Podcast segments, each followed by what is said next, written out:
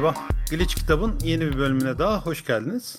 Ee, bugün stüdyomuzda Roy ve Yunus bulunmakta. Hoş geldiniz. Merhaba. Merhaba.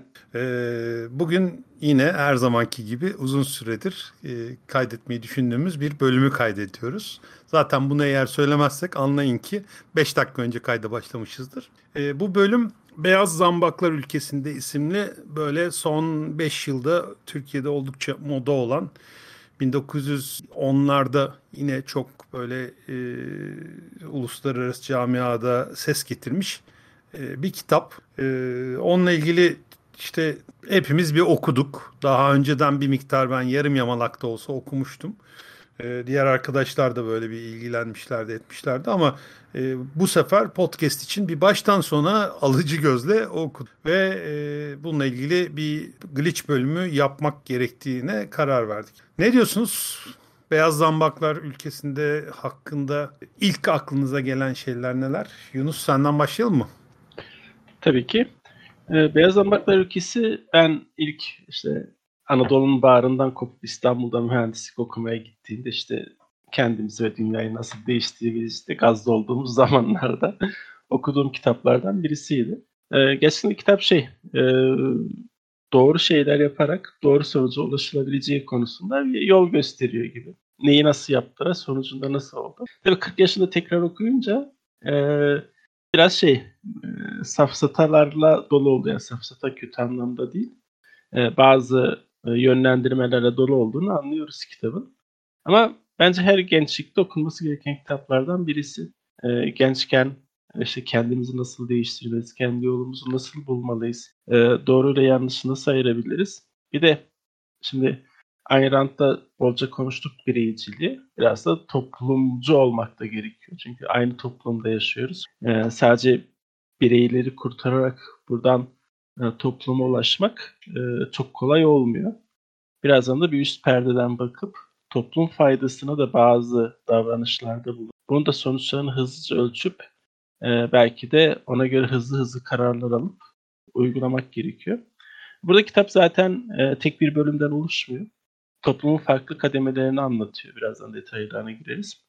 Toplumun her kesiminin e, ülkenin, devletin ya da ulusun nasıl anlatırsak e, daha iyi olması için neler yapması gerektiği örneklerle anlatılıyor. Okey. Roy sen ne diyorsun? Ya, e, ya Yunus özetledi. Yani kitap aslında şeyden oluşuyor. E, Finlandiya'nın e, nasıl e, bugünkü zamana geldiği ve bunu aslında nasıl bir e, kültür hareketiyle getirdiğinin hikayesini anlatıyor yani aslında. Ya ben kitabı böyle Yunus gibi e, gençken okuyup e, şimdi 40 yaşında yeniden dönmedim. İlk defa burada okudum. E, katıldığım yerleri var, katılmadığım yerleri var. E, bence idealist de bir kitap. Yani bu bana birazcık şeyi e, hatırlattı aslında kitabın türü. E, biz çok fazla işte e, guru konsepti vardı bir dönem. İşte e, ya Ferrari'sini satan bilgi kıvamında işte ben işte şöyle duruyordum bir anda bir bakış attım. E, şeyim işte ha, Jeff Bezos'un hikayesine bakacak olursak işini gücünü satıyor bir tane arabaya biniyor kitap satacak bir site yapıyor ve oradan şey oluyor işte daha nasıl olabilirdi ki falan. E, kitap birazcık hani bu kafada işte Finlandiya'da Snellman diye bir abi gelmiş ve kültür olayını almış götürmüş. E, kafasında bir kitap. E, ya bir okumak da zaten kısa bir kitap. Yani 150 sayfalık bir kitap ve şey e, bölümler öyle e, uçuk kıçık tasvirlerden bilmem nelerden çok oluşmuyor.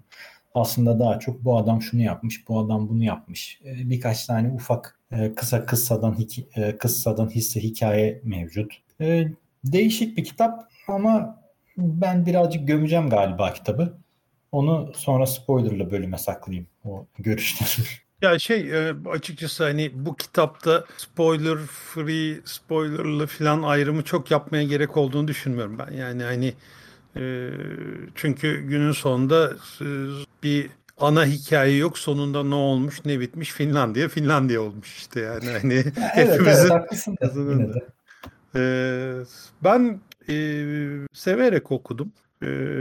yani hani e, Yunus'un safsata dediği böyle nispeten dogmatik kısımları olduğunu düşünüyorum evet. E, ama e, hani artık pek kimsenin bir şeye inanmadığı e, ve ya hadi canım o işler de öyle bilmem ne filan denildiği zamanda böyle e, temel yapı taşlarını güzel koymuş bir kitap gibi geldi. Yani e, toplumun değişik kesimlerine e, çok böyle tadında hitap ediyor. Yani ben mesela bu tür bir kitapta hiç memurlardan bahsedildiğini duymamıştım. E, bu kitapta söylüyor mesela. Yani diyor ki işte kanunsuzluğun en büyük öğreticisi memurlardır diyor. Hani bizim memlekette de muameleciler vardır ya hani böyle işin nasıl yapılacağını e, bürokrasisini yaptırtırlar.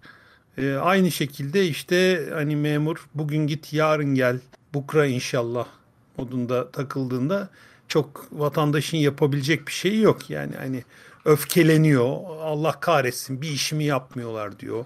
Ya da hani kamunun hizmetinde çalışan memurların hizmetinde hissediyor kendini. Böyle ve bunlar mevcut bir sürü tatsızlığa ek oluyor. Ee, öğretmenlere hitap ediyor. Onların ne kadar önemli olduğuna. Doktorlara hitap ediyor. Yani özellikle işte salgınların e, tehdidi altındaki bir dünyada ki sanırım hani bundan 15-20 yıl önce okuduğumuz Beyaz Zambaklar bu kadar doktorlara hitap etmesi bize vurmazdı ama bu sefer beni bayağı vurdu. Çünkü gerçekten bir salgın psikolojisi altında hani ne kadar önemli olduğunu vurguladı.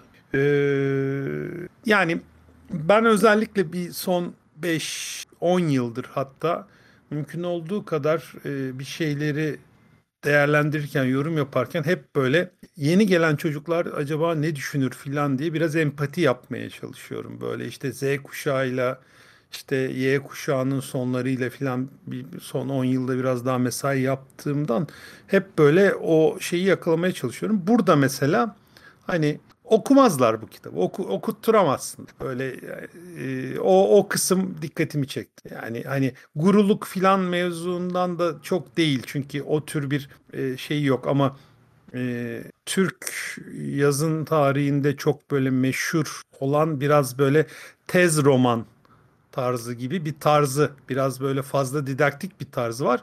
Adamın o zaman için yaptığı şeye çok uyuyor. Ama bugün bir, gence bunu okutmaya kalktığınızda zorlanırsınız. Fakat bu hani anlattığı şeyleri ve işte ya budur işte ya filan dedirten şeyleri göz ardı etmemize sebep olmuyor. En azından bana böyle güzel bir şekilde hatırlattı. Benim genel şeyim bu. Biraz yazara da bakmak. Yazar dini bir kökenden geliyor. Şey yani bir otobiyografi değil. Ee, aslında keşke otobiyografi olsa bir e, bu amca kendisi bu işleri yaparken neler şeyler nelermiş onu görsek daha iyi olur. Aslında Rus bir yazar e, yazıyor Finlandiya, o sırası Finlandiya işgal eden falan bir ülke olarak. O konuda bir enteresanlık var. Ya, dini kökenli bir adam ama daha sonra biraz kilise tarafından geçip biraz daha kendini toplum yararına çalışmaya adayan. Ben biraz şey e, gördüm bunu. Biraz ya bak Tolstoy haklıydı diye çıkarmak için bak biz bunları biz de söyledik. Ee, Rusya'yı kurtaramadık. Tolstoy söyledi Rusya'yı kurtaramadı. Aslında bunları yapsaydık bak biz de Finlandiya gibi olurduk. Yani bizim dediklerimizi dinlemediniz. Bak dinleyen adamlar böyle oldu gibi. Biraz hafif yani Survivor Bias gibi e, bak bunlar yapılsaydı biz de böyle olurdu biraz yön açıyor gibi. E, günümüzdeki gençleri gerçekten okumak, okutması zor bir kitap. Ama zamanında gerçekten de e, işte 40'larda 50'lerde dünyaya çok etkilemiş. Hatta şey söyleniyor. İşte bu 60 darbesine katılan genç subaylar için sadece bu kitabı okuyarak kendilerini motive etmişler gibi söylentiler vardı. Ya dolayısıyla bir e, community içerisinde okunduğunda böyle bir otorite tarafından yönlendirildiğinde gerçekten şey oradaki insanları yönlendirebilecek bir kitap. E, gençler okutma konusunda şey işte ben üniversitede işte bunu okudum. E, Ursula K. Le Guin teyzemiz okuduk. Ama ben e, şu an üniversitede okuyan yeni genç arkadaşlara Ayn Rand okumalarını tavsiye ediyorum. Kendilerini hayata hazırlamak. Biraz daha önceki podcastlerde söylemiştim. E, yani bu sonsuz kapitalizmi gösteren bir şey. Bu kadar olmayacak. Ama e, kendilerini kendi hayatları için e, daha doğru e, fikirler kazandıracağı, benliğinin farkına varacağı. Çünkü bir 18-19 yaşındaki genç daha çok benliğinin farkında olmuyor. Özellikle ülkemizde o zamana kadar e, işte ÖSS'den başını kaldıramamış test çözmekten e, bir önce bir kendini bulması lazım. Sonra toplumu yararması lazım. Dolayısıyla ben e, dinleyen genç kardeşlerimize doğrudan bunu okuyun demiyorum. Yani okusunlar tabii ki. Ama bu kitabı okudum hayatım değişti. 18-19 yaşındaki bir genç için çok gerçekçi değil bence. Okey. Roy Bey sizin gömmenize geçebiliriz sanırım. Ee, ya kitabın ya şöyle gideyim. Kitabın bence şey olarak bu e, ya zaten kitap 100-150 sayfa ama işte yazardan da bahsediyor. Ya zaten yazardan bahsedeceğiz dedik ama e, zaten işte 150-160 sayfalık kitabın e, ilk 20-25 sayfası yazarı övüyor zaten. Şöyle adamdı, böyle adamdı bilmem ne falan filan. E, geriye kalan işte e, 60-70 sayfa, 80-90 sayfa Snellman övüyoruz biraz. İşte Snellman e, bu Finlandiya'nın bu kültür e, değişim devrimini yaratan e, önemli figürlerden bir tanesi. Yani sanki bir tek o varmış gibi gösteriyor kitap ama birazcık abi okuyunca işte aslında 3-4 kişi varmış. E, Snellman da birazcık e, ta, aslında controversial bir figür. E, adam aslında eğitimci en başta. O da şey güzel. Eğitimci olduğu için de zaten adam insanları eğitmeye çalışıyor. E, iki kere e, self exile'a gidiyor. E, şey olmayacak diye. Ben bana burada profesörlük vermiyorlar. Ben gideyim başka bir yerden fikirlerimi yayayım diye. E, ikinci dönüşünden sonra da artık eğitimci kalamayıp politikacı falan oluyor. E, ve şey birazcık böyle ya seversin ya nefret edersin e, tiplerinden bir adamsın Elman. E, yani işte kitapta da görüyoruz işte mesela futbolda işte bizim çocuklarımızın akıllarını zehirliyorlar futbolla. Bu futbol ne menen bir şeydir. Futbol oynamayı oynamayı ihmal etmeyin ama kitap da okuyun bilmem ne de yapın diye bir, bir noktadan güzel. Ee, adam e, Fahri e, Futbol Kulübü Başkanı bir yandan. Bir yandan da diyor ki işte ya tamam futbolda iyi güzel ama e, işte şey de yapın. İlime bilime de önem verin. E, bu futboldan bu iş olmaz. Çocuklarımızı uyutuyorlar mı? Oralar bir e, şey olarak değişik. Kitabın böyle hafif bir biraz Snellman övelim havası var. O beni birazcık rahatsız ediyor. E, yani baktığın yani, bu kısmı atınca yani e, Snellman ve kankalarının e, yarattığı ortamsal şeyleri e, attığımız zaman işte işin içine birkaç tane ana fikir geliyor. Özellikle şey e, bence kışla fikri. Abi kışlanın bir eğitim yeri düzgün bir eğitim yeri sadece eğitim yeri değil düzgün bir eğitim yeri olması e, ilerletilmesi falan o açıdan epey başarılı yani gerçekten e, keşke bizim ülkemizde de olsa e, çok daha verimli olur biz askerliğe çünkü yani nispeten külfet diye bakıyoruz. Orada gidip e, abi beyni bırakıyorsun askerlikte. 6 ay sonra toplayıp ee, gidiyorsun. E, çok, çok özür dilerim. Bakıyoruz. Şey o e, belli bir tabaka için abi. Yani, yani e, çok uzun bir süre e, askerlik Türkiye'de en çok okuma yazma öğrenilen yer oldu mesela. Yani 80'lere kadar 80'lere kadar Doğru. böyleydi ve hani net ben daha fazla kesmeyeyim devam et. Doğru abi orada sadece böyle kalamamış. Evet. evet. Yani e, 80'lere kadar en çok okuma yazmanın yer olmuş ama yani burada hani köy enstitüleri çok iyiydi. Eğitim şart moduna girmek istemiyorum ama yani bir şeyler değişmiş oradaki e, ivme bilde tuttu. Devam ettirilememiş ve asker hani zorunlu olarak yaptığımız şey ettiğimiz e, bir yer haline gelmiş. Orayı biz çekici hale getirememişiz. Bakıcı. Bu e, şeyin içerisinde e, buna ek bir de şey bu adamın şeyi e, hoş. Bu birazcık batı kültürünün bir parçası ama e, give back kafası var ya yani ya bana böyle bir şey verdi. Ben de, toplum bana bir şey verdi. Ben de topluma geri bir şey vereyim. Bu işte e, özellikle hani bu filantropi yani işte biz Bill Gates e, bize çip takacak kafasına giriyoruz ama işte adamın e, Melinda and Bill Gates Vakfı işte kanseri çözmek için milyonlarca dolar e, yatırım yapıyor. Benzer bir şekilde e, Jeff Bezos'un karısı da pek çok vakfa yardım yaptı hani şey olarak. Böyle düşünmeyenleri de var biliyorum. hani evet. e, Trump gibi tipler de var ama e, Batı kültüründe bu filantropi birazcık şey yani işin bir parçası. Yani vergiden düşmek case'i de var ayrı. Orada birazcık e, şey de yaptırabiliyor ama insanların iyi hisset ya insanlar geri verdiklerinde iyi hissediyorlar. Evet bu doğu kültüründe biraz eksik gibi düşünüyorum. Yani fikre zekat gibi bir kavram İslamiyet'te olmasına rağmen bizde ne kadar uygulanıyor, ne kadar uygulanmıyor e, orası birazcık tartışmalı bence. Yani Avrupa'da da çok mu var? Çok yok ama güzel işte bizi mutlu eden bazı örnekleri var işte hani görebileceğimiz. E, aynı şeyleri Arap Emirlikleri'nde muhtemelen çok fazla göremiyorum şey olarak. Şey gibi burada birazcık durayım sonra size de birazcık konuşma şansı vereyim. E, monologlarımla sizi boğmayayım. Sonra gene birazcık daha başka bir yerden yeniden gelirim. Çok da görmedim ama. Evet ben daha fena bir şeyler bekliyordum açıkçası. Ee, Valla hani genelde ben böyle bu tür şeyleri değerlendirirken e, şöyle bir metod izliyorum. Diyorum ki benzer amaçla ben bir şey yapsaydım acaba ne yapardım, nasıl yapardım, nereye kadar yapardım filan diye.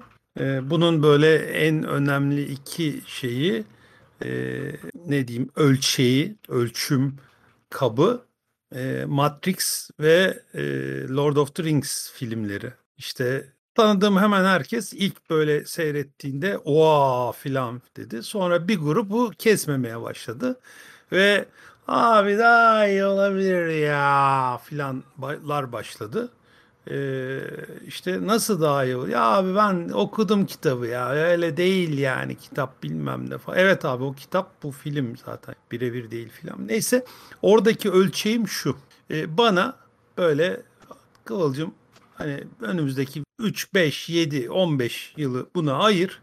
Sana biz gereken parayı da her şeyi de kaynağı da sağlıyoruz. Yap abi bir şey. Yani iyi yap deseler ben Matrix ve Lord of the Rings kadar iyi bir şey yapamazdım. Dolayısıyla bunlar benim için oldukça iyiler. Yani yani tersini söyleyenin de kalbini kırır. E, burada da e, bu kitapla ilgili hoşuma giden e, şeylerden bir tanesi bu.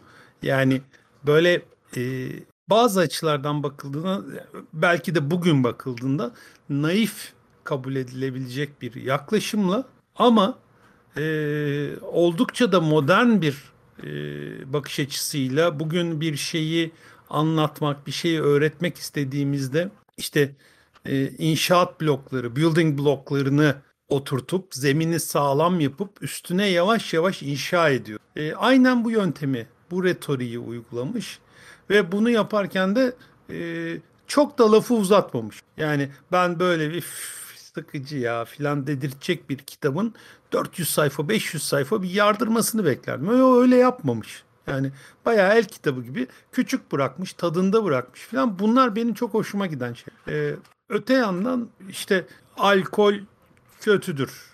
Alkolden uzak. Futbol beyninizi zehirler. İşte sizi uyuşturur, şudur, budur filan gibi yaklaşımlarının da çok sevimsiz olduğunu hani vurgulamakta vurgulamadan geçmemek lazım. Onları böyle birazcık e, sıyırmak, ayıklamak gerekiyor. Çünkü hani nispeten tutucu bir bakış açısı ki yani hani futbol pek seyretmeyen bir insan olarak ben bunu çok net söyleyebilirim. Hani e, böyle futbol çok seven birisi olarak yak ya saçmalıyor falan demekten daha farklı. Ben futbolla ilgili çok ilgin yani futbolla ve özellikle taraftarlıkla ilgili e, benim bakış açım e, açıkçası e, Gezi'den sonra değişti. Yani e, işte ya bu yani gayri resmi serserilik falan gibi bir bakış açısına eğilimliydim açık söylemek gerekirse. Ve taraftarlığın böyle holiganizme bilmem neye doğuştan yatkın olduğu ve insanların böyle kendilerini dışa vurmak için bahane işte dalaşmak için filan bahane yaptığı bilmem ne gibi bir genel geçer bir düşüncem vardı. Ee, ama e, bu insanların nasıl böyle bir bir arada durabildiklerini, bir iskelet gibi, bir omurga gibi bir kenarda durabildiklerini ve hani her zamanda günlük gülistanlık olmayan hayatın içinde e, normalde böyle işte bu türden olmayan e, taraftarlık, işte holiganlık, bilmem nelik falan filan gibi mevzulara ikisi aynı şey demek istemiyorum kesinlikle ama bunlara hiç bulaşmamış işte uslu akıllı çocukların olduğu dünyada e, ne kadar gerekli olduğunu da gördüm. Çünkü e, hayat her zaman öyle günlük gülistanlık değil ve e, bunu böyle hani e, yıllar sonra tekrar hatırlamak. Dolayısıyla e, tutup böyle işte hmm, işte alkol insana kötü şeyler yaptırabilir. O zaman alkol kötü. İşte taraftarlık insanı futbol şey insanı uyuşturur, kitlelerin afyonudur, afyonudur. E, kötü filan gibi bir yaklaşımın doğru olmadığını zaten çoğumuz biliyoruz. E, bunları da bir kenara koyduğum takdirde kitabın içinde işte e, birçok yerde böyle bize hitap eden ülkemizin işte 1900'lerde geçirdiği zorluklara hatta şu an içinde bulunduğumuz bazı zorluklara e, hitap eden kısımlar olduğunu çok düşünüyorum. E, yani işte memurlarla ilgili söylediği şey böyle bir şeydi. E, Finlandiya halkının böyle çok net, çok göze batan, çok dominant bir lider olmadan yükselişi e, önemli bir şey. Yani hani liderlerle yükselen ülkeler her zaman liderlere ihtiyaç duyarlar lider eğer çok şeyse e, e, benevolent dedikleri iyi huylu bir liderse e, çok daha güzel olur. Ama lider böyle dediğim dedik ben ve ailem yaşasın türünden bir liderse de başka türlü olur. Yani o biraz şansa kalmış, döneme kalmış. Bunu böyle liderleri ön plana çıkmadan söylemesi, bizim tek şansımız zaten lidersiz böyle bir ilerlemekti demesi e, hoşuma gitti. Ayrıca orada böyle iğneyi kendimize batırmamız gerektiğini de çok güzel vurguluyor. İşte yöneticiler kendi milletlerinin yansımasıdır diyor yani. Bu bu millet içinden bir yönetici, bir yönetici güruh çıkarttıysa kendi çıkartmıştır.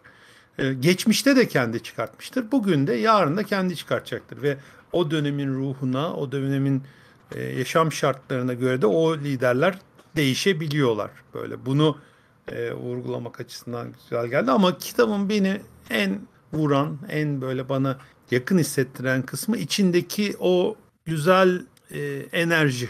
Yani o olumlu hal, o işte yani bataklıklarla dolu bir e, Finlandiya'dan işte e, Rusya'nın hegemonyasına girmiş, e, ilhak edilmiş bir Finlandiya'dan kendi ayakları üstünde durabilen ve bugün baktığımızda e, yıllardır dünyanın en mutlu insanların yaşadığı ülke olarak geçen eğitim sistemi olarak e, dünyaya örnek olan e, acayip bir ülkeye ulaşıldı. Ve bunun içinde belki yüzde beştir bu kitabın veya bu yaklaşımı Snellman'ın yaklaşımları belki ondur belki on beştir. Ama hani 70 olmadığını hepimiz tahmin edebiliyoruz. O yüzden bu kısım böyle bir iyi yöne doğru bir şey, iyi niyetli bir çaba e, birilerinin bir hani o tarafa doğru hareket etmesi e, bir şeyleri değiştirebiliyor. Bunu söylemesi açısından ben kitabı çok keyif alarak okuyorum. Bir umut hikayesi. E, evet, evet. Yani hani böyle bittik, öldük, rezalet bilmem ne filan ağlaşmıyor yani şey yapmıyor. Bu arada e, tam da hani Finlandiya out of the woods da değil yani. Hani o kitabın bahsettiği zamanlarda Finlandiya evet iyi yönde gidiyor. Kendini toparlamaya başlamış. Umut vadeden bir ülke ama böyle şu anki Finlandiya değil. Şu anki Finlandiya böyle hani uzaylılar gibi yani de- değişik böyle ve hakikaten e, dünyanın tersine giden bir yer şu anki Finlandiya ve e, o yüzden hani daha da büyük bir umut veren bir hikaye. Yani küçük bir iyileşme, küçük bir artı şey nasıl böyle büyüyebiliyor yu göstermesi açısından bana çarpıcı geldi. Kitapla ilgili en önemli şey okuyunca biz niye Türkiye'de böyle olmadıkımıza gelen birisi bu oluyor. Yani şimdi yaklaşık arada işte 100 yıllık bir Türkiye'nin kuruluşuyla zaman farkı. Ee, kabaca tarihinden bahsedeceksek Finlandiya aslında normalde İsveç Krallığı'na bağlı bir yer. Ee, Rusya ile savaştan sonra Rus hakimiyetine giriyor. İlk kez yarı otonom bir haline geliyor.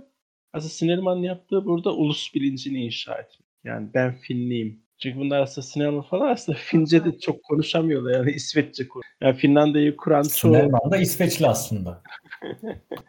evet bunlar böyle karışık aileler. Ee, anne baba. İşte e, şey oluyor. E, işte bu Finlandiya'nın bu hani Amerika'nın founding father'ları gibi. E, bunlar da kendi aralarında ikiye ayrılıyorlar. İşte İsveççe konuşanlar, Fince konuşanlar. Yani. O derece aslında bir burada aslında bir ulus inşa edilmesi. Yani dolayısıyla bizim biraz Türkiye'ye benziyor işte hani bizim Osmanlı'dan geçişimizde hani günümüzde de yine var. ümmet ulus, ümmetten ulusa dönmek, ulustan tekrar yayılmacı vesaire konular bir ulusun nasıl inşa edildiğini anlattılar. Dolayısıyla biz niye inşa edemedik e, bu ulusu e, gibi e, böyle bir e, soru aklıma. Royum kışlasından örnek verdim. Kışla gerçekten de şey e, Türkiye'de 80'lere kadar e, işte insanların elini yıkamayı, lavabosuna nasıl gitmesi gerektiğini öğretildiği yer oluyor. Ama Sinelman gibi adamlar daha 1800'lü yıllarda profesör adamlar. Yani dolayısıyla bir kültürel bir e, birikimle ve bir eğitmenlikle ve görece düşük bir nüfusla yani şey yapılmış. E, bunlar başladı. Ben biraz Türkiye'ye baktığımda e, bizim e, bu yapıda e, bizim bu işte memur sınıfı, kışlı sınıfı vesaire her ne kadar e, ülkenin geneline e, göre daha iyi eğitim alsa da işte ülkenin genelini kaldır kalkındıracak kadar da eğitim alabilmiş bir şey değiliz. Ülke değiliz. Çünkü e, işte 1980'lerde, 70'lerde lise mezunlarının öğretmen yapıldı. Yani 1920-30'lara geçmiyorum. Yani daha okuma yazma bilen öğretmen olduğu zamanlar. İşte 70'ler, sonra işte 3 yıllık fakülte mezunlarını öğretti. Sonra giderek 4 yıllık fakülte mezun. Hatta biliyorsunuz 1999'da ziraat mühendislerinin öğretmen yapıldığı bir süreçten bahsediyor. O zamanları hatırlıyor musunuz bilmiyorum. E, memurluk o kadar gözden düşmüştü ki kimse öğretmen olmuyordu. İnsanlar artık şey ziraat fakültelerinden şuradan buradan öğretmek öğretmen olmak isteyen var mı diye e, insanları öğretmen yapmışız. Yaptık yani ben hatırlıyorum. Yani dolayısıyla bu kalkınmayı yapacak bu kültürel bilgi birikimini niye oluşturamadık? İşte bu kitabı okurken benim aklıma e, takılan en çok sorulardan birisi bu oluyor. Yani burada biraz hani Atatürk'ün adını anmadan şey yapmayalım. İşte Atatürk'ün en büyük hatası ne diyorlar? Erken ölmesi. İşte Atatürk belki o kadar erken ölmese o kültürel birikim e, ülkeyi daha da kalk görece o düşse o kültürel birikim biraz daha birikim. İşte halka, halk dediğimiz o zaman köylerde yaşıyor. Ee, yine bir podcast'te dile getirmiştik. Celali isyanlarından e, kaçmak için dağa çıkmış, hala şehre inmemiş Türkiye Cumhuriyeti vatandaşları bunlar yani. Onlar o kültürel birikimi aktarmak işte köy enstitüleriyle yapılmaya çalışıyor. Dolayısıyla biraz ister istemez hemen bizim Türkiye'de biz bunu niye beceremedik? Niye yapamadık? İşte niye böyle bir e, bizde böyle bir aydınlanma olmadı soruları aklımıza geliyor. E, kışla konusu işte e, ben de askerliğimi yaptım. E, benim zamanımda bedelli yoktu. E, bir 5 aylık bir kısa dönem askerlik yaptım. Biraz şeye benzettim. Ben orada yani Türkiye'de iki şeyi gördüm. Bir, biz görece işte e, Türkiye'nin işte Kalburüs Üniversitesi. Ya bu da mı üniversite okumuş dediğiniz insanların varlığını gördüm. Çünkü biz dediğimiz gibi kapalı bir çevre oluşturuyoruz kendimize ve toplumdan olabildiğince uzak yaşıyoruz. İşte ailemiz vesaire köyde yaşayınca köye gidip orada insanların nasıl yaşadığı o problemleri görüyoruz. İkincisi de işte kışla deyince bu devrecilik vesaire mantığıyla işte aslında komutanların oradaki süreçlere dahil olmayıp işte biraz önceki askerlerden bir dönem önce, işte 3 ay önce gelmiş askerlerin o askerleri yönet emir komuta et, komutanların oradaki askerlere ve çok hayata dokunur bir katkı sağlayamadığı bir yapı görüyoruz. Yani toplumda zaten ezilmiş olan adam askerlikte daha da ezildi. E, gördüğün konu oluyor. Bir de dediğimiz gibi işte şey e, en büyük konu işte toplum işte yavaş yavaş lise mezunu olmaya başladığı an işte ortasını e, komutanların ya da az subayların diyelim ya da uzman çavuşların bunlar da iki yıllık mezunu gibi değerlendirebiliriz. Buradaki halka anlatabileceği bir farklı bir kültür birikimi kalmamış. Dolayısıyla zaten verebileceği de çok bir şey yok halk. Dolayısıyla burada şey haline geliyor. Yani askeriyede işte e, 50 yıl önce oluşturulmuş dokümanların işte 15 günde bir askerlerin işte gazinoda ya da kantinde toplanarak slaytlarla yansıtıldı. İşte biz halkı eğittik işte prezervatif nasıl kullanılır. Bu. Yani benim askerde gördüğüm halka verilen eğitim e, bu. Dolayısıyla e, kışladaki bu fırsatın kaç oldukça yani, e, kötü. Tabii yani terörle mücadele nedeniyle sen askerlere de o eğitimi veremiyorsun. E, askeriye bundan mı uğraşmalı? Şu an yani günümüzde ya da bununla uğraşkın değil. Peki burada işte milli eğitim ne yapmalı? İşte diğer kısımlar ne yapmalı? İşte buradaki e, ebeveynler nasıl bu konuda eğitim. Bunlar zaten şey kitapta her biri neredeyse ayrı ayrı bölümler olarak e, karşımıza çıkıyor. Ben biraz şey, e, biraz önce dedik işte Amerika'nın founding father. Aslında bu kitabın aynısını ben Amerika içinde yazabilirim. Yani biraz onu gördüm.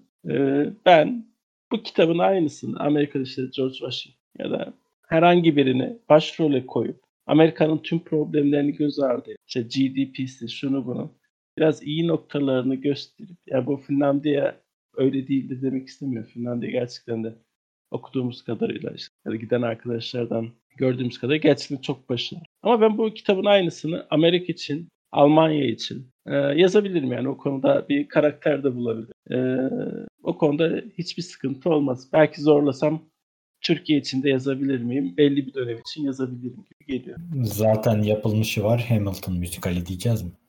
Yani şey e, sonuçta e, böyle yokluktan var olan ya da işte e, gerçekten çok zor zamanları atlatıp ondan sonra bir dünya gücü olan bir ülkenin e, gelişimine yönelik e, benzer adımların olduğu konusunda hiç kimsenin bir tereddütü yok. O yüzden benzer bir kitap yazma ile ilgili çok bir konuşacak bir şey olduğunu sanmıyorum. Yani ne nedir? İşte eğitime önem vermek zorundasın. İşte sağlığa önem vermek zorundasın. Ekonomiye önem vermek zorundasın. İşte e, askeriyeye değişik bir bakış açısıyla bakmak zorundasın. Dı dı dı dı dı dı dı öyle gidiyor.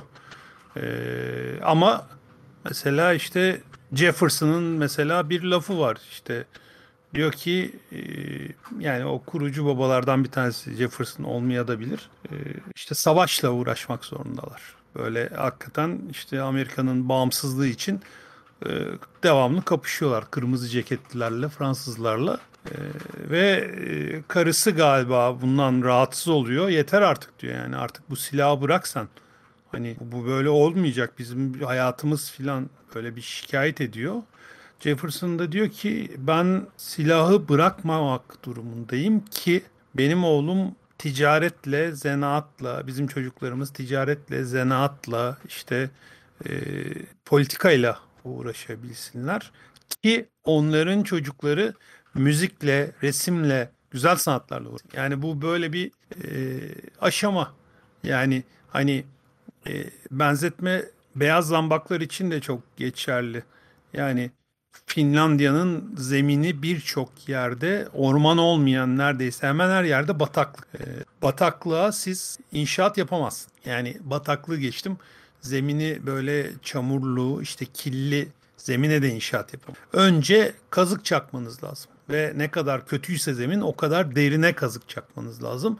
Ondan sonra o kazıklar üzerine bir temel temeli oturtabileceğiniz bir platform koy, sağlıyorsunuz. Ondan sonra da üstünü çıkıyorsun. Ee, Venedik böyle mesela. Tamamen kazıklar üzerine kurulmuş bir şehir.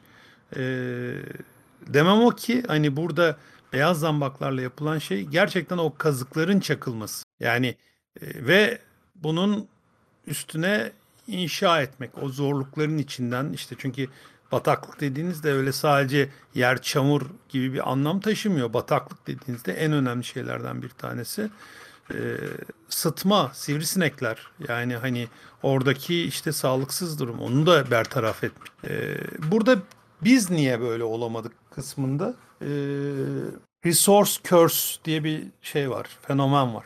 Özellikle de işte dünyanın ekvatora yakın böyle işte doğal zenginlikleri üst seviyede hayatın nispeten kolay olduğu ülkeleriyle ilgili. Bu ülkelerin hiçbirinden cacık olmamış bugüne kadar. Yani böyle küçümsemek için falan söylemiyorum. Ee, olmamış yani. Ee, niye? Çünkü o resource curse e, Wikipedia'da da çok detaylı anlatıyor. Hani ya rahatız ya biz sorun yok yaklaşım. Bu aslında birçok ülkede e, köylülerin gelişememesinin sebebi de o. Aynı şekilde kaynak var, imkan var. Ben çok kendi memleketimden örnek vereyim. Ee, Rize'den, Rize Fındıklı'dan. Ee, ben bildim bileli işte çay bahçeleri, fındık filan hani böyle Amazonlar gibi ortalık zaten hani e, toprak göremiyorsunuz. Her yer yeşil. Bıraktınız mı büyüyor. İşte küçük bir yer ayırırsanız orası da bostan oluyor. Salatalık, fasulye, mısır bilmem ne. Orada onları da şey yapabiliyorsunuz. Böyle hani bir şey çok da yapmanıza da gerek yok yani. Çok öyle o acayip çalışmanıza gerek yok. Sadece işte çay 3 defa toplaman gerekiyor işte filan falan. Ben hayat tarzını söyleyeyim. Çok net bir şey. Ee, mahsul kaldırılır. Ee, parası alınır ya da işte parası daha erken almak için tüccara satılır. Öyle parası alınır. İşte 3 ay 4 aylık bir emeğin sonucunda ondan sonra o para İstanbul'a gelinir. Kumarhanede, pavyonda 2 ya da 3 günde yenilir, bitirilir, dönülür. Şimdi hal böyle olunca e, ondan sonra da bostandan yaşarlar. Yani hal böyle olunca gelişme çok mümkün olmuyor. Ki bu nispeten şey hani biraz şanslı dağ köyleri falan böyle. O yüzden bakınca işte neden bu Avrupa bu kadar gelişmiş, işte ne kadar niye böyle olmuşun birçok sebepleri arasında bir miktar bu da var. Kendi doğal kaynakları çok güçlü değil ee, ve e, bunun zorluğuyla bir şeyleri çözmek zorunda. İşte İngiltere'nin organizasyonu gelişiyor mesela çok acayip. İşte e, Almanya'nın sanayisi gelişiyor. Keza benzer şekilde işte şey e, geçenlerde okuduğum bir kitapta vardı. E, Çin e, doğal kaynaklarını kırsal bölgeler için nispeten kullanıyor. E, ve e, bu sayede işte hani kırsalda Çin'in kırsalındaki hayat nispeten daha rahat geçiyor işte. Benzer zamanlarda e, İngiltere kömürün neredeyse tamamını Londra'da kullanıyor. Liverpool'da kullanıyor, Manchester'da kullanıyor, sanayide kullanıyor ve e, şu an işte o buhar teknolojisinin gelişme doğma sebeplerinden biri olarak bu öngörü. Çok uzatmayacağım ama e, gelmek istediğim nokta şu. E, gerçekten bu işte gelişimin böyle ABC'si çok karışık şeyler değil. Ama e, iki önemli şeye ihtiyaç duyuyor. Bir, gerçekten böyle toplumu, ülkeyi kendinin önünde tutan en azından bir grup insana ve motivasyona. Biz bunu yaparız. Bu olur. Bunu bunun denilmesini. Bunlar olduğu zaman e, başarılı da olunabiliyor, başarısız da olunabiliyor. Hani hepsi başarılı olacak diye bir şey yok. Ama bunlar olmadan e, çok acayip doğal kaynaklara bilmem nelere falan sahip olsanız bile kolay kolay e, ülkece başarılı olamıyorsunuz. Bizim e, bence hani bu işi çok yapamamamız ki e, Türkiye'nin ekonomik kalkınmasının aslında birçok açıdan hiç fena olmadığını düşünüyorum. Ee, bazı açılardan çok kötü olmasına rağmen. Bunun sebebi bizim nispeten daha rahat, daha kolay bir hayat içinde bulunmuş olmamız. Kaynakları zengin, e, çok fazla çaba göstermeyen doğal zenginlikleri işte e, bitki örtüsü e, oldukça zengin bir ülke olmuş olmam bence. Ya ben şeye çok katılamayacağım ya. Yani öncelikle şunu gireyim. Hani ben Türkiye neden Finlandiya gibi kalkınamadı sorusunun cevabını verebilecek bir insanmışım gibi düşünmüyorum. Bir ne kadar ne o kadar detaylı inceleme yaptım. Yani sadece biraz şey atabilirim ama yani şey olarak kalkınmanın çok maddesi var. İşte dedik ya işte askeri şöyle kullanacağız, ekonomik kalkacağız, eğitim şart bilmem ne zaten. O kadar çok kaotik bir ortam var ki ya belki hani en e, şey diyebileceğim yapı e, e, şey seçim sisteminin 5 yıllık olması. Hiç kimse 20 senelik bir master plan hazırlamıyor bu ülke. Bunun ben şey olduğunu düşünüyorum. Yani e, bir master planımız olmadığı için bir abi eğitimi şöyle düzelteceğiz gibi bir şeyimiz olmadığı için yani eninde sonunda yamalı bohça şeylerimiz var. Herkes herkes günü kurtarmak peşinde. Yani bunu bugün bunu e, sadece e, mevcut hükümetle şey diyemeyiz. İşte CHP de böyle. İşte e, Adalet Partisi de böyleymiş. İşte Atatürk zamanına Atatürk zamanından sonraki herkes böyleymiş. Herkes iktidarda kalmaya çalışıyor. Bunun için nispeten yamalı bohça bir sistemimiz var ve çok bu düzelecekmiş gibi de gözükmüyor. Ha, tek sebep bu mu? Değildir muhtemelen. Ee, işte yani resource curse dedin. Ben bu kadar resource plentiful bir ülkede yaşadığımızdan da çok emin değilim. Ee, hatta şu anda bence bayağı tarımın olmadığı şeyde yaşıyoruz ve garip yani o açıdan. Ee, ama şeye katılacağım ki e, bir bir grup e, toplumu önde tutan grup ve hedefi olan bir tayfa kısmına şey olarak katılabilirim. Kitapta da çok güzel bir örneği var. e, işte bu neydi Javier mi? E, Reçel Kralı ve kankaları. E, işte dört tane kankası var. Bir tanesi Reçel Kralı oluyor. Bir tanesi ayakkabı kralı oluyor. Bir tanesi bir şey kralı oluyordu. Unuttum şimdi ne kralı olduğunu. E, diğeri de seri katil oluyor falan. Bakacak olursan. E, şey olarak e, bence bu birbirini destekleyen bir grubun olması. Yani bunlar üç kişi de yapmışlar.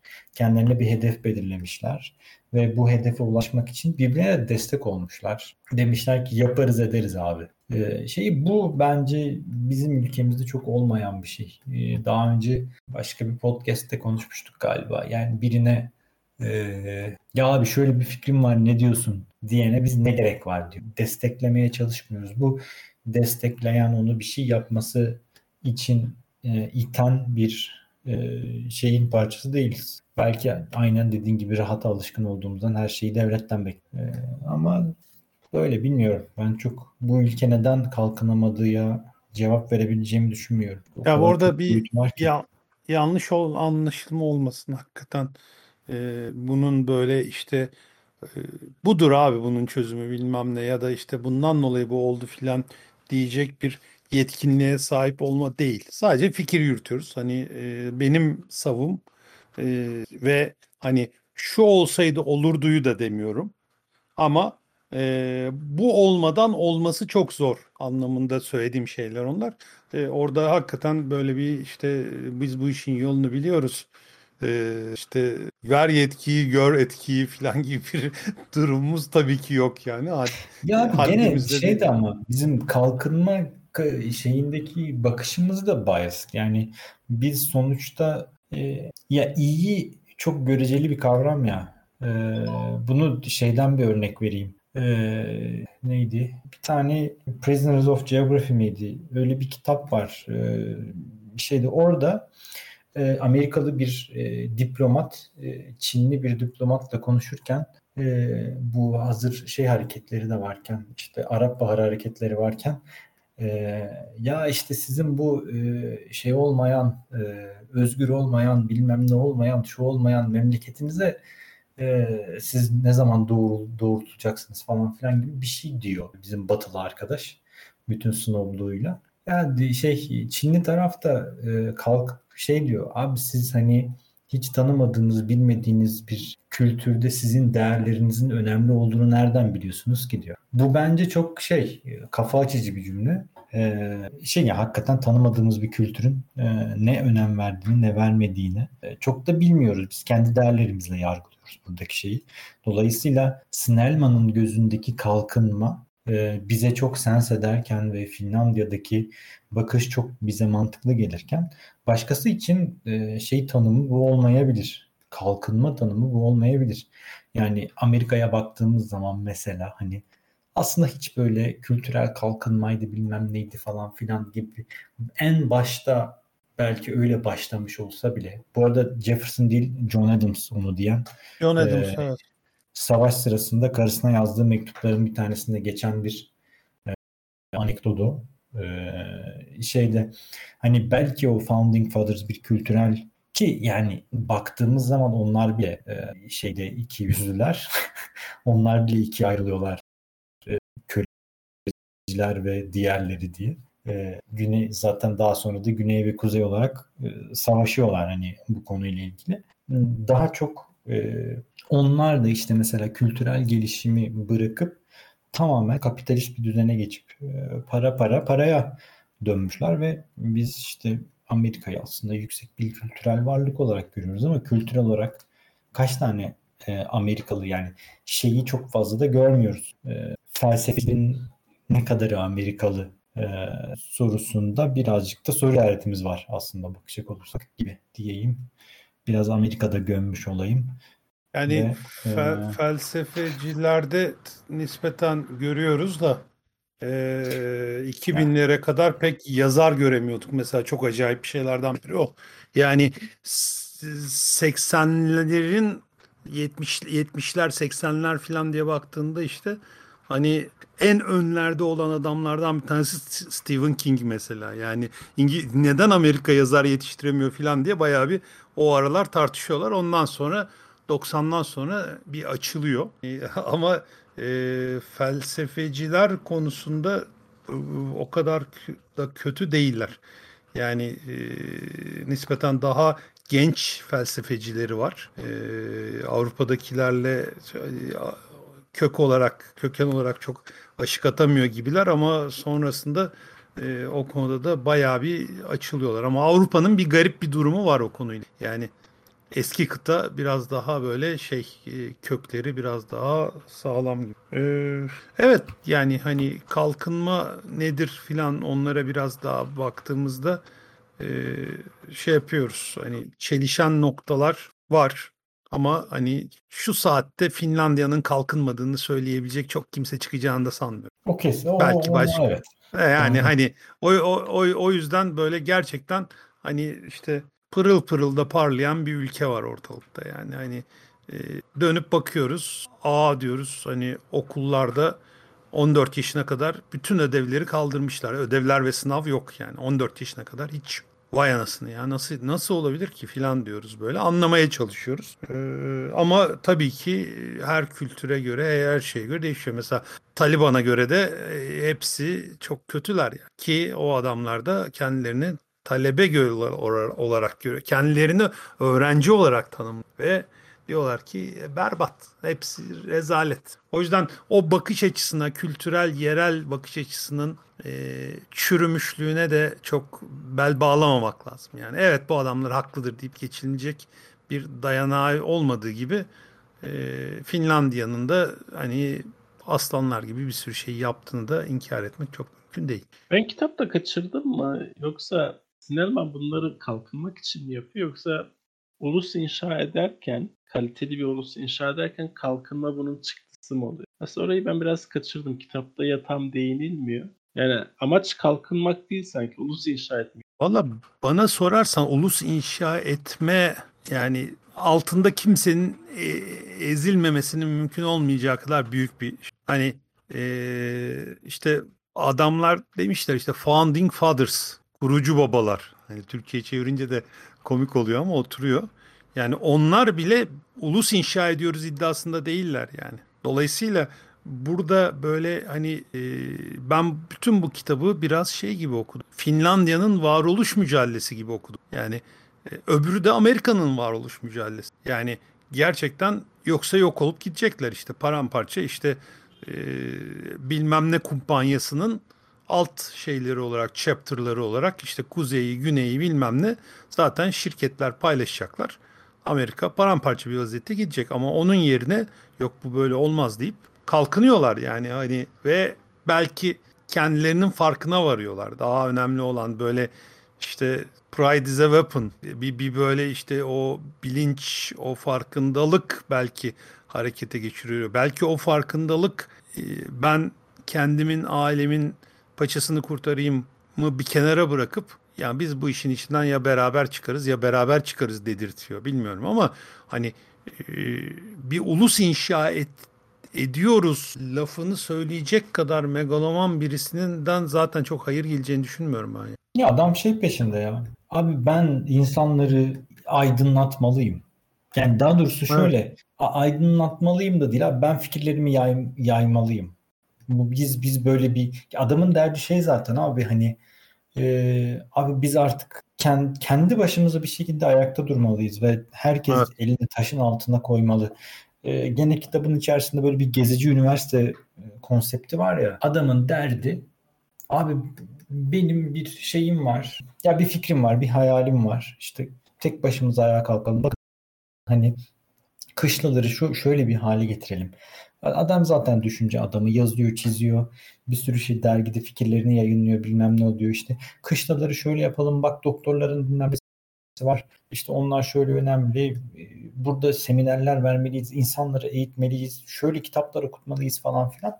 E, ya adamın çabası şey yani iyilik peşinde adam bir nevi. Yani aydınlatma iyiliği, güzel laf. Evet aydınlatma peşinde yani birazcık daha e, insanlara farkındalık yaratalım. Hani nasıl bir e, ortamda yaşıyorlar. İşte şey hikayesi var ya yaşadık insanların yaşadıkları evler. Bu doktorun evet. hikayesinde tek göz kilden evlerde yaşıyorlar. Yani insanlara insan gibi yaşayacakları bir yer sunalım. Yani şey bu. E, İstetelim hatta yani hani bunu arar hale gelsinler. Heh, aynen. Ki zaten e, talep edince bir şeyler değişiyor. Yani e, güzel de bir atasözümüz var yani. E, ağlamayana meme yok. Yani biz e, ama yani buradaki sorun bu, bu atasözündeki en büyük sorun şey abi ağla, ağladığımda bir şeyler alabileceğimi hiç bilmiyorum ki biri bana anlatmamış. Evet. Ben nereden bileyim ağlamam gerektiğini zaten adamın da derdi bu abi ağlarsanız alabilirsiniz. Başka bir dünya görülüyor şeklinde. Yani bir, bir şey de söylemiyor bu arada. Hani e, birbirinizi boğazlayın işte hani e, en böyle en çok isteyen alsın falan filan değil. Sadece işte çok güzel dedin demin hani e, karanlık bir yerdeler e, bir mum yakıyor ve e, insanların bir şeyleri görebilmesini ve daha sonra da isteyebilmesini sağlıyor. Yani görmediği şeyi adam isteyemez tabii ki. E, bunu sağlaması çok böyle güzel bir şey. Bu orada çok güzel bir anekdot da vardır. İşte e, mutlak bir karanlığın içinde bir tek böyle e, bir bir kıvılcım kadar bir aydınlık bile olsa artık orası kapkaranlık değildir. Böyle e, kitabı okurken de benim içimde hep o his oldu. Yani o kapkaranlık böyle bataklık bir ormanı düşünüyorum hep ve bir ucundan aydınlanmaya başlıyor. Ondan sonra gerisi geliyor ama orası kapkaranlık kaldığı sürece e, çok bir şey yapmak, hayal etmek bile e, mümkün değil.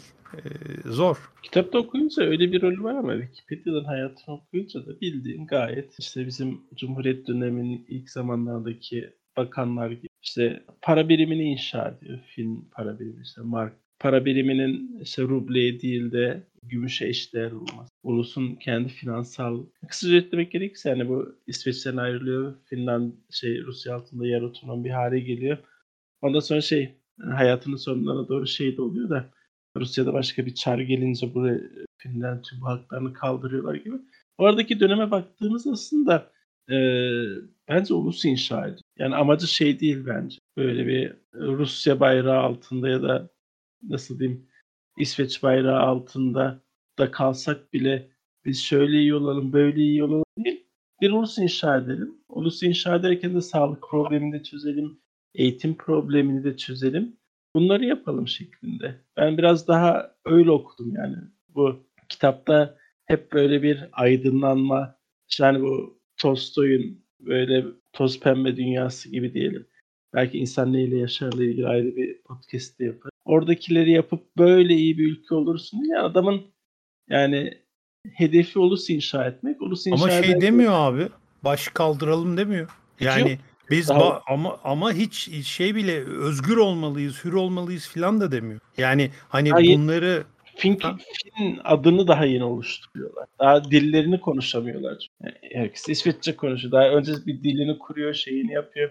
Biraz daha hani bizim 1850'ler 60'lar işte bu tanzimat vesaire. Ya biz neyiz? Ya bizim e, Türk liramız olsun gibi. Böyle daha o noktadalar aslında adamın uğraştığı noktalar onlar. Bana biraz o yüzden ulusu inşa etmek gibi geldi adamın. Şey. Kitap öyle anlatmıyor. Ama adamın hayatını Wikipedia'dan ve diğer yerden okuyunca bildiğim böyle hafif bir teknokrat havası var adam. Yani bir ulus inşa eden bir teknokrat, teknokrat okumuş, iyi eğitim almış ve bunları Finlandiya'nın işte tohumlarını atarken gayet iyi uygulayan bir adam gibi geliyor. Biraz Founding Fathers'ları o yüzden bu e, arada bence Founding Fathers'la acayip bir farkı var. Çünkü adam ya silahlı bir şey yapma peşinde değil. Adam düşünür bu arada. Yani adam üniversitede şeylik yapıyor. Hocalık yapıyor. Yani bakacak olursan fikirlerini dergilerle yayınlıyor. Ki zaten sahneye giriş şeyden sonra abi e, Rusya Finlandiya'yı e, İsveç egemenliğinden kurtarıp onlara e, iç işlerinde özgürsünüz dediği andan sonra abi zaten gelmeye başlıyor. Ki zaten hani anlatılan şey yani Rusya'nın da Finlandiya'ya bir şey yapma niyeti çok yok. İşte biraz İsveç'ten koparmak için bunları bir oyun alanı yaratıyor. Oyun alanında bu Sineman iyi kullanıyor. Ben öyle algılıyorum. Burada şu kısım önemli mesela hani direkt kitaptan bir yer alıntılayacağım. Hani bizim için de e, bizde ne yok kısmına biraz cevap oluyor.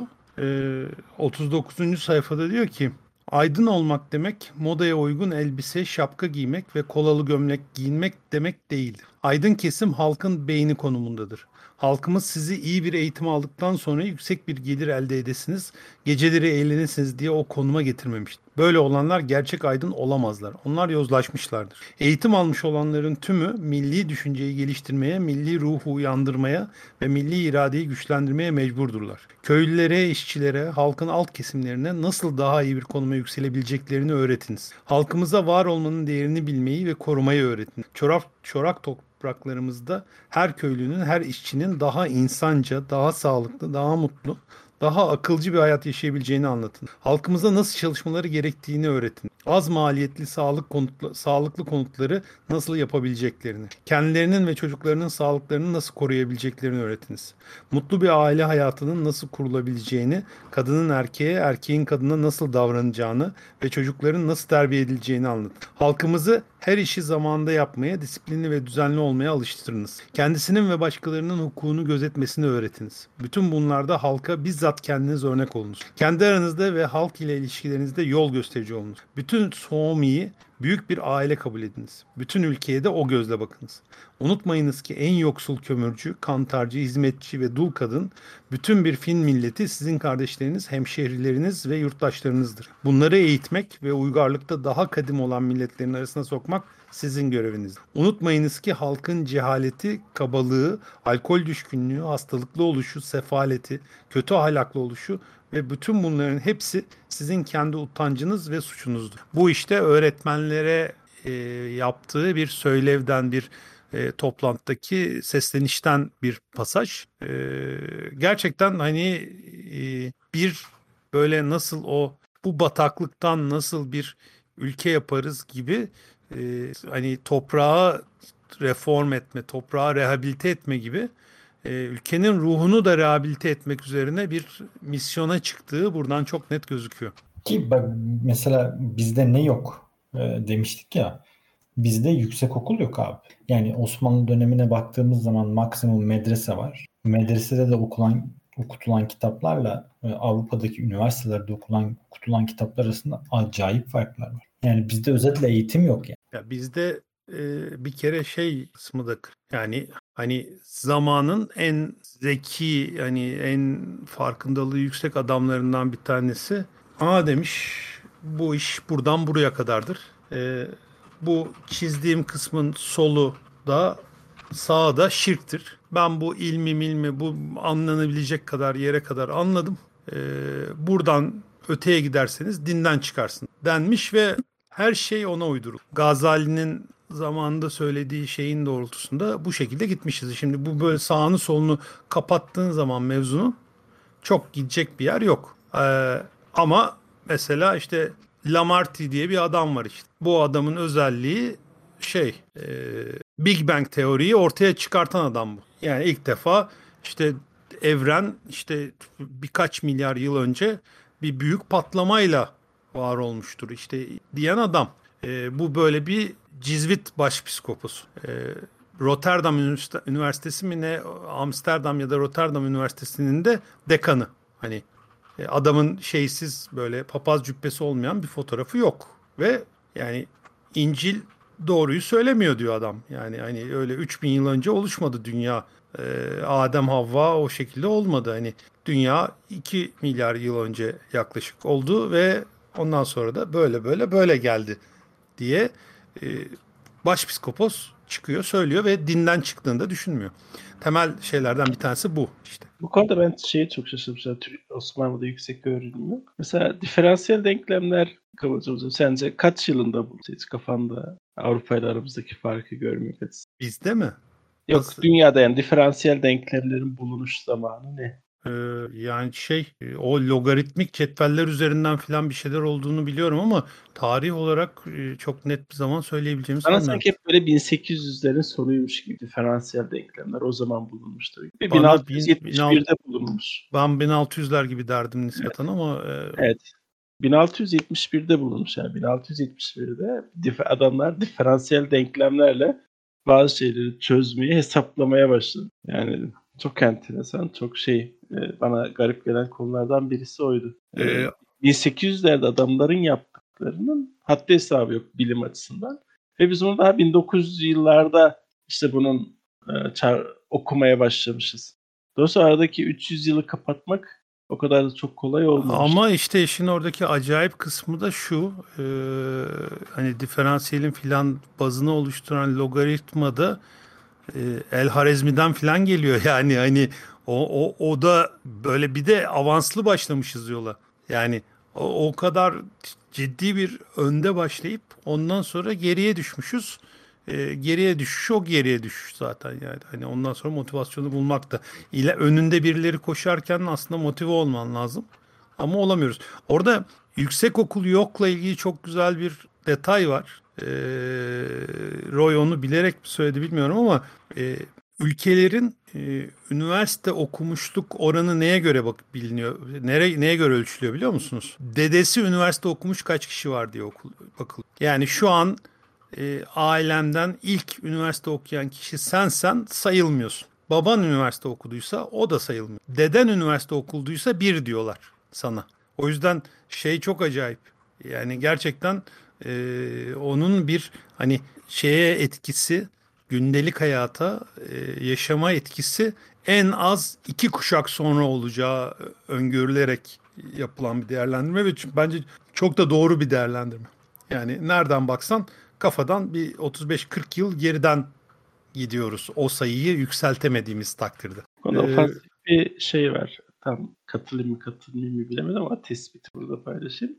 Newton, Newton ya da nasıl hangi dilde okuyacaksak eşit büyüktür, büyüktür tüm doğa halinde. Yani biz hani harizmi diyoruz, şey diyoruz. Evet çok başlamış. Ama Newton'u denkleme koyduğun anda doğunun hiçbir avantajı kalmıyor. İşte 1600. Newton'un en meşhur lafını biliyor musun? Para para para değil değil mi? He, Yok. Ee, ben eğer burada durabiliyorsam benden önceki devlerin omuzlarında yükselebildiğim için duruyorum. Ee, hakikaten çok acayip bir adam.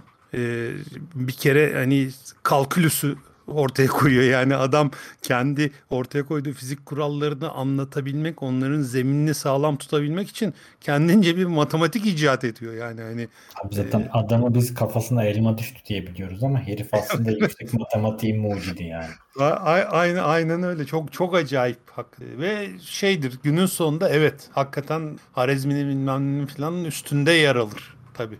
Gün bugünümüze etkisi olarak. Ama işte üzücü yani o yolda biz kapattık. Ee, Ben diferansiyel denklemleri bir şey yapayım arada. Açık önünde. Wikipedia. Ee, burada bir başka küçük bir nokta daha var. Hani bayağı e, ilerledik ama bin, bin- bana nispeten çarpıcı gelen ve bu kitapta da biraz izlerini gördüğüm bir şey.